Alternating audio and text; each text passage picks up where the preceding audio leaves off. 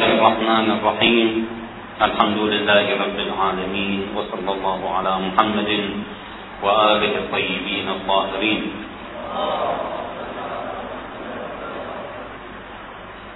انتهينا بالقول إلى دخول السفياني إلى الكوفة وأن هناك حركات مؤيدة للسفياني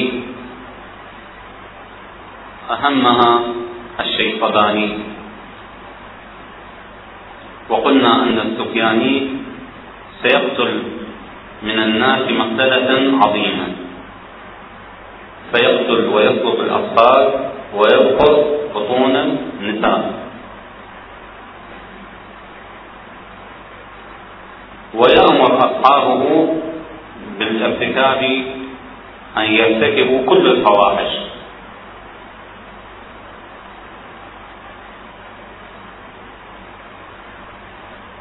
بعض الروايات تشير إلى أن هناك مجموعة تسمى بالبكرية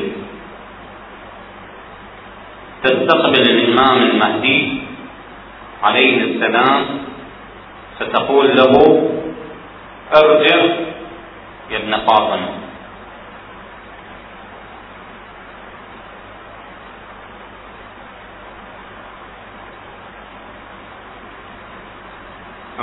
أبو الجارود عن الإمام الباقر عليه السلام قال إذا قام القائم سار إلى الكوفة سيخرج منها بضعة عشر ألف نفس يخرج منها بضعة عشر ألف نفس. يدعون البدرية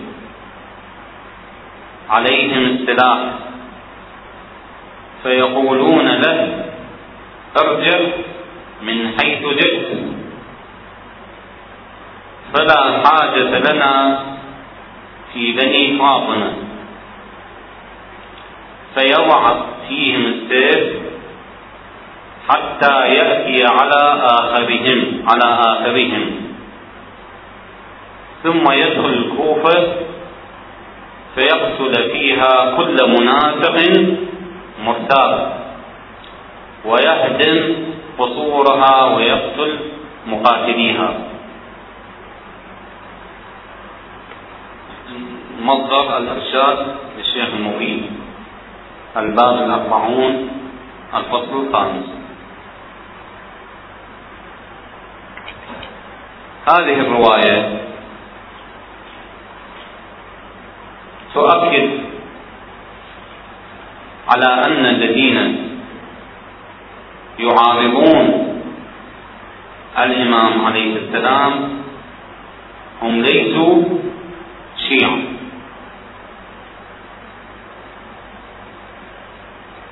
هذا يؤكد ما قلناه سابقا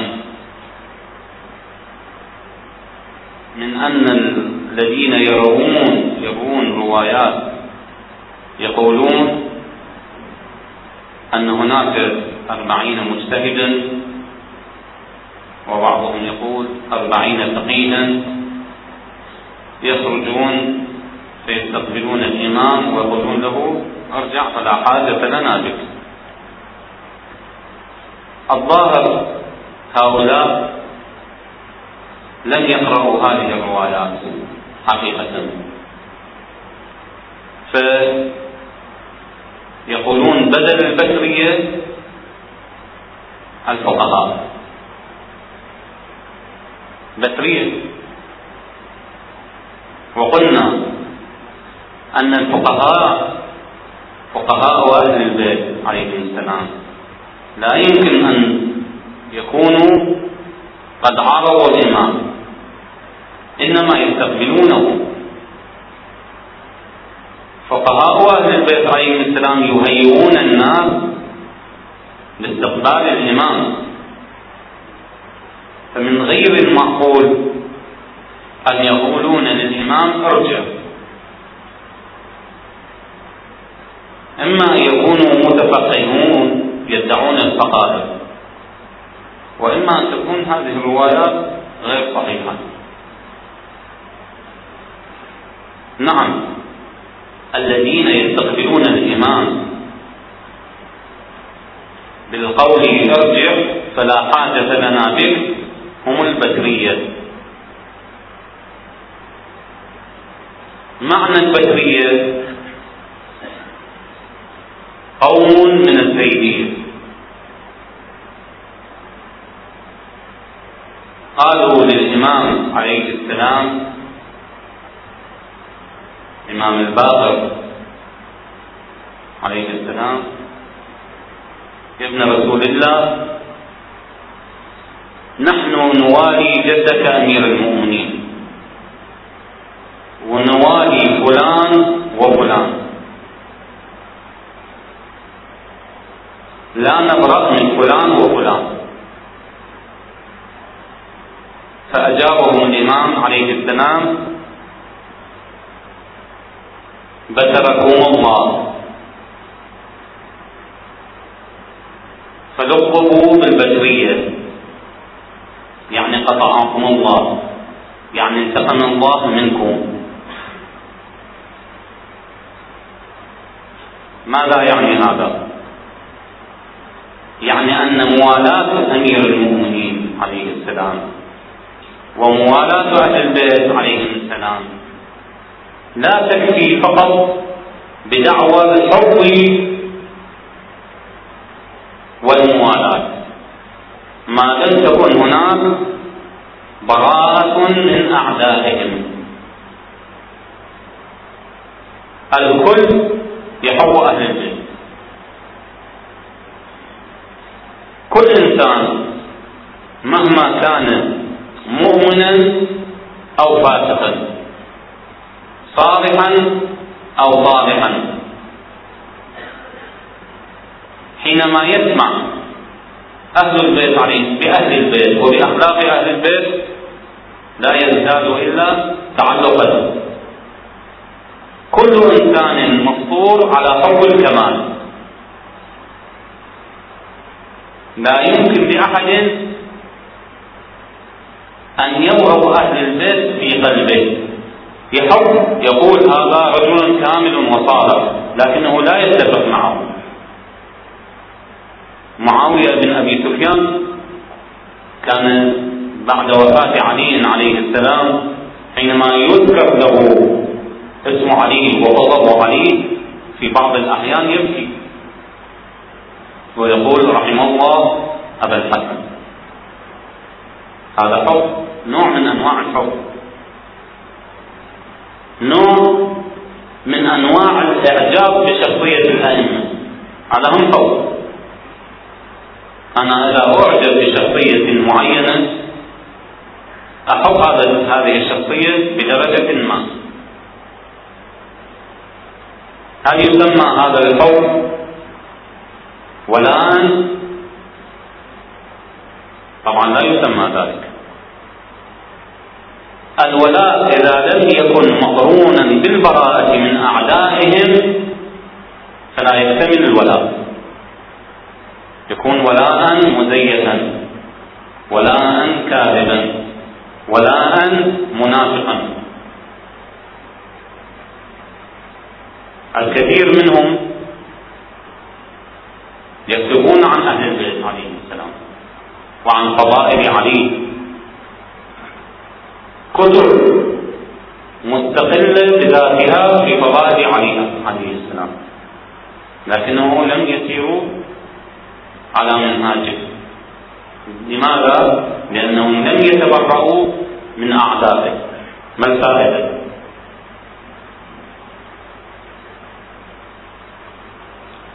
مثل الذين يحملون الكتاب كمثل حمار.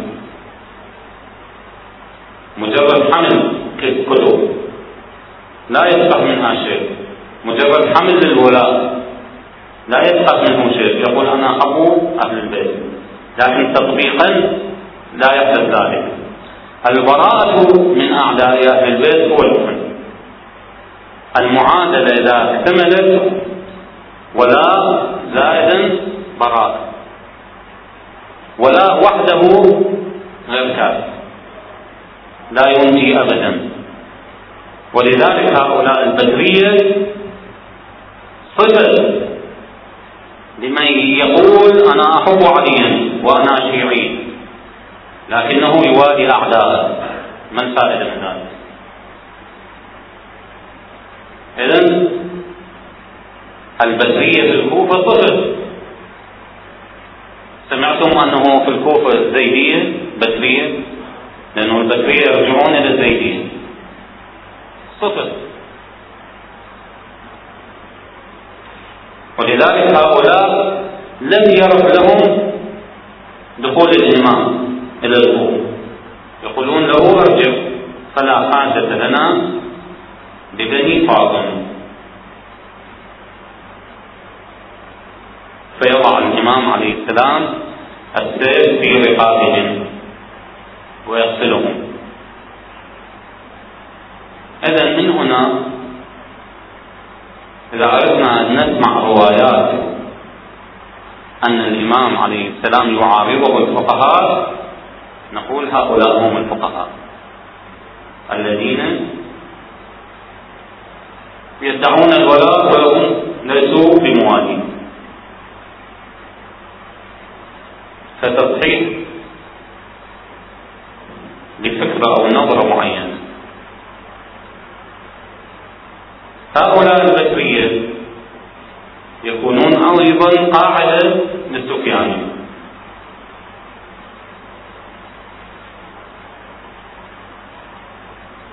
الخراساني قبل خمسة أشهر من دخول أو من ظهور السفياني يخرج يظهر الخراساني هو وأصحابه لأنهم يمهدون إلى الإمام عليه السلام لنصرة الإمام. فإذا دخل السفياني إلى الكوفة يتحرك عندها جيش الخراساني من ها هنا وجيش اليماني من هناك. متوجهون أو متوجهين إلى الكوفة. ولذلك تجد روايات تؤكد على أن السفياني والخراساني واليماني في سنة واحدة في شهر واحد في يوم واحد. وأهداها راية اليمن. لأنها تدعو إلى الحق. نأتي بعد ذلك إلى اليمن. يقتتل جيش السفياني ويلتحم جيش السفياني بجيش الخراساني واليماني. ملحمة عظيمة لكن تكون الغلبة لمن؟ للسفياني تتراجع الجيوش.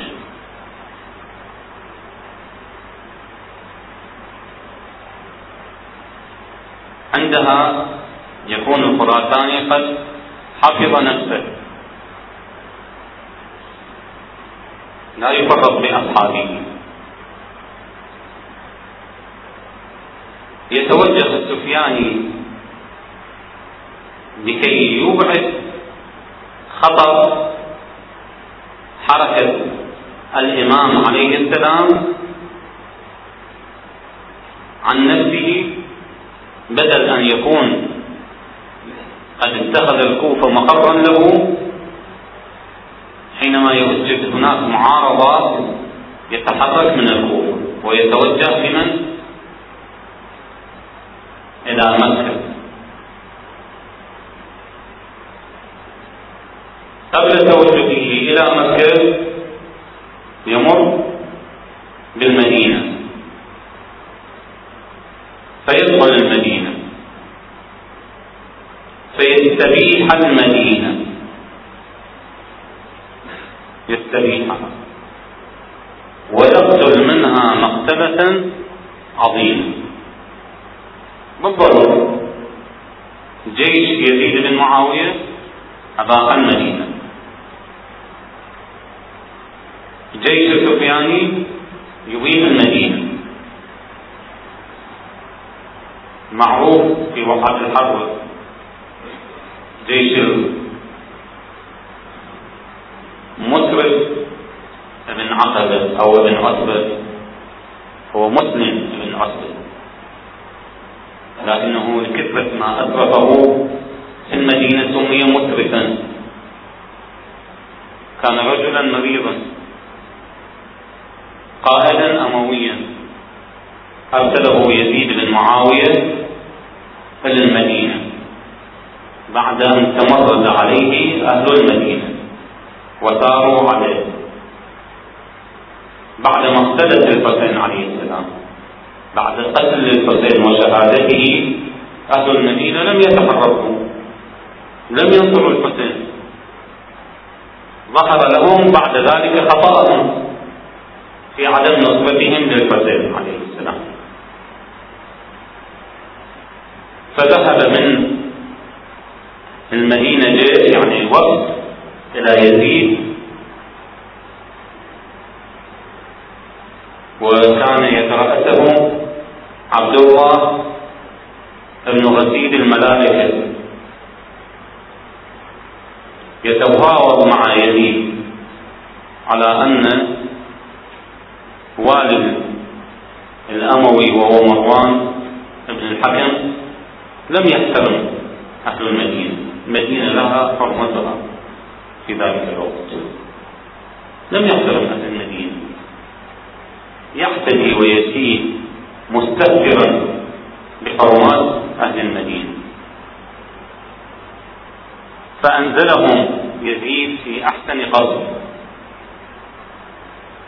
وقدم لهم أحسن الخدمات وأعطاهم من الأموال بشراء ذممهم لكنهم رفضوا ذلك. ورجعوا إلى المدينة وقالوا إذا سكتنا عن يزيد رجونا أن يرمينا الله تعالى بحجارة من السماء. لأنهم اطلعوا على فسق يزيد وعلى استهتار يزيد في القصر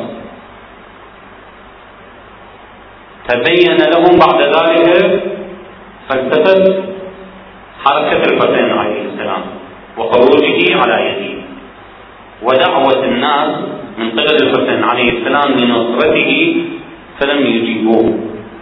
فلما نظروا بأعينهم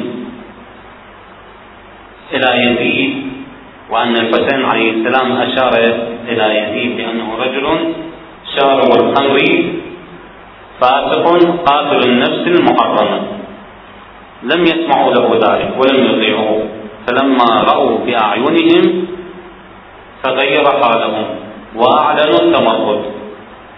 فجعلوا عبد الله بن غسيل الملائكة واليا مكان مروان بن الحكم. واختفى مروان. ولوحد فلما سمع يزيد بذلك جهز لهم جيشا بقيادة مسلم بن عتبة أو ابن عقبة وكان مريضا محمولا على سرير فدخل المدينة وأذاقها ثلاث أيام. حتى أن المؤرخين يذكرون أن في هذه السنة من المؤرخين الشيعة والسنة أن في هذه السنة ولدت أو ولدت ألف عذراء إسراف في القتل وفي الاعتداء. ثم بايعوا يزيد على أنهم عبيد له فأباح المدينة في وقعة الحرب. السفياني يعيد آثار أجداده بأن يبيح المدينة مرة أخرى.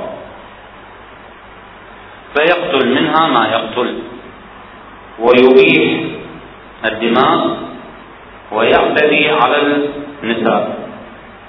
فيبقر بطونهن بعد ذلك. ويقتل كل من اسمه عليا أو حسنا. حسب الروايات. حسب الروايات المقدس الشافعي يبحث عن كل من اسمه حسن أو علي ثم يبحث عن قبر فاطمة عليه السلام. يريد نفسه. ويريد أن ينبش قبر النبي. تعديا على النبي.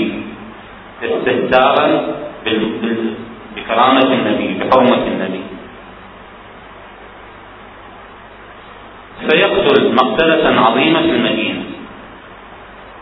الإمام عليه السلام حينما يسمع بوصول السفياني إلى المدينة يخرج من المدينة إلى مكة.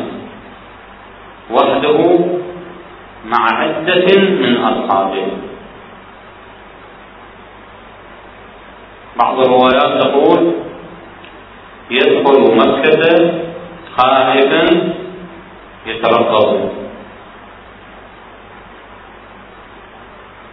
فإذا انتهى السفياني من مهمته في المدينة يخرج منها متوجها بمن إلى مكة. يلاحق الإمام. الإمام لم يكتمل جيشه بعد. فإذا وصل إلى البيداء منطقة جزيرة بين مكة والمدينة خسف الله بهم. خسف الله بجيشه. يبيتون في تلك الليلة قبل القدس يبيتون في تلك الليلة. فلا يجلس في الصباح إلا أحدهم إلا على خبز بالجيش. يأتي شخص أحد الرعاة سيرى آثار الجيش. آثار. فيعجب. جيش عظيم جبار لكنه لم يجد فيه أحد. إلا اثنين يخلق الله تعالى وجوههم إلى أخفيتهم إلى ظهورهم. معبوسين أحدهم يذهب إلى الإمام عليه السلام. يبشره بما حل بجيش سفيان. تطلق عليه الروايات بالبشير يسمى البشير. يبشر الإمام. ويطلب العصر من الإمام عليه السلام والمعذرة. فيتوب على يديه. فيدعو الله تعالى الإمام له. فيرجعه إلى حالته الطبيعية. هذا البشير الشخص الثاني يذهب لمن؟ يهرب إلى السفياني. السفياني لم يكن مع الجيش. السفياني لم يكن مع الجيش. السفياني يكذب أحد قياداته بتزعم هذا الجيش. حينما يسمع بما يروي له هذا الشخص عما حل لجيشه يعلم أنه قد حل به العذاب والهزيمة. هذا الشخص تطلق عليه الروايات بالنذير. يسمى النذير. ينذر السفياني بما حل بقومه.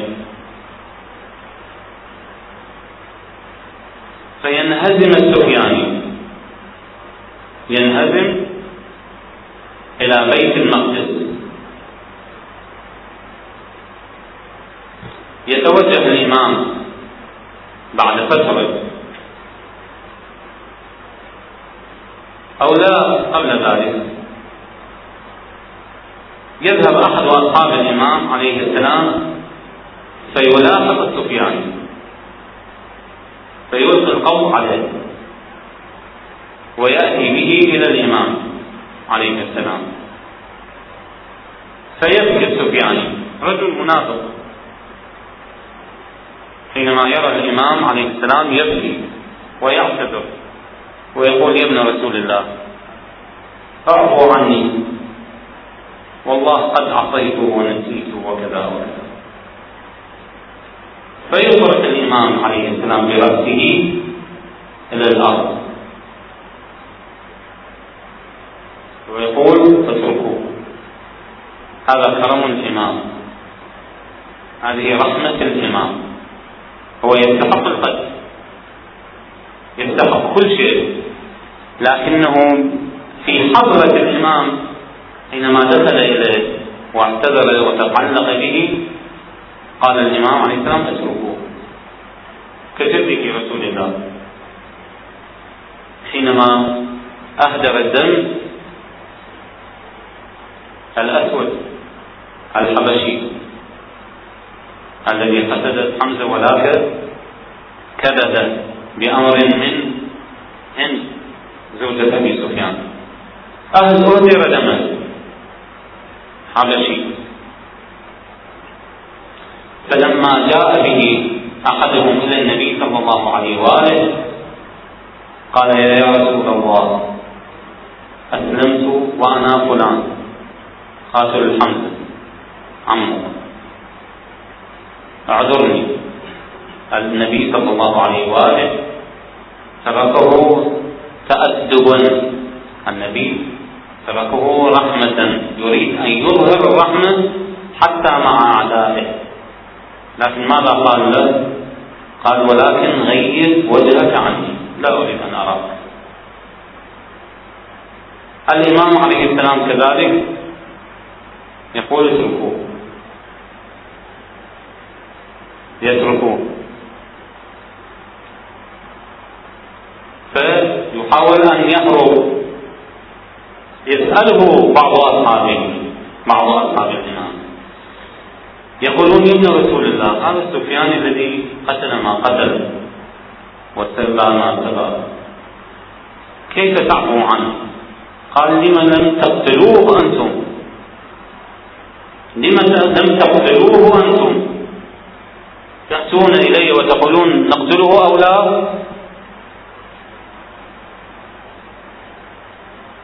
هذا الخطأ لي نرتكبه نحن كذلك على قليل فيقولون له يا ابن رسول الله لو غمزت لنا بعينك غمزت لنا بعينك يقول نحن معاشر أهل البيت. حرم الله علينا الهمز واللمز أن لا نشير بأعيننا نحن صريحون. فيلحقه أحد أصحاب الإمام عليه السلام. يلحق السفياني. فيذبحه عند شجرة. ويأتي برأسه إلى الإمام عليه السلام. وبذلك ينتهي السفياني بشر نهاية. يقتل هو وجيشه. جيشه يصب الله تعالى عليهم العذاب والغضب بالقتل وهو بالهزيمة. فيقتل ويذبح والروايات تشير إلى أنه يأمر جيشه عند تحركه حتى آخر لحظة بأن يرتكبوا كل ما من شأنه ارتكابه من المحرمات. ويقيم الحفلات كل مدينة يدخلها أو كل منطقة يحج فيها يقيم الحفلات الماجنة. والعازفة يريد أن يعتدي على حرمة المسلمين. يريد أن يهتك حرمة المسلمين. فينتهي السفياني بهذه النهاية المفرحة وسنواصل بإذن الله تعالى روايات السفياني إن شاء الله. غدا بإذن الله والحمد لله رب العالمين وصلى الله على محمد وآله الطيبين الطاهرين.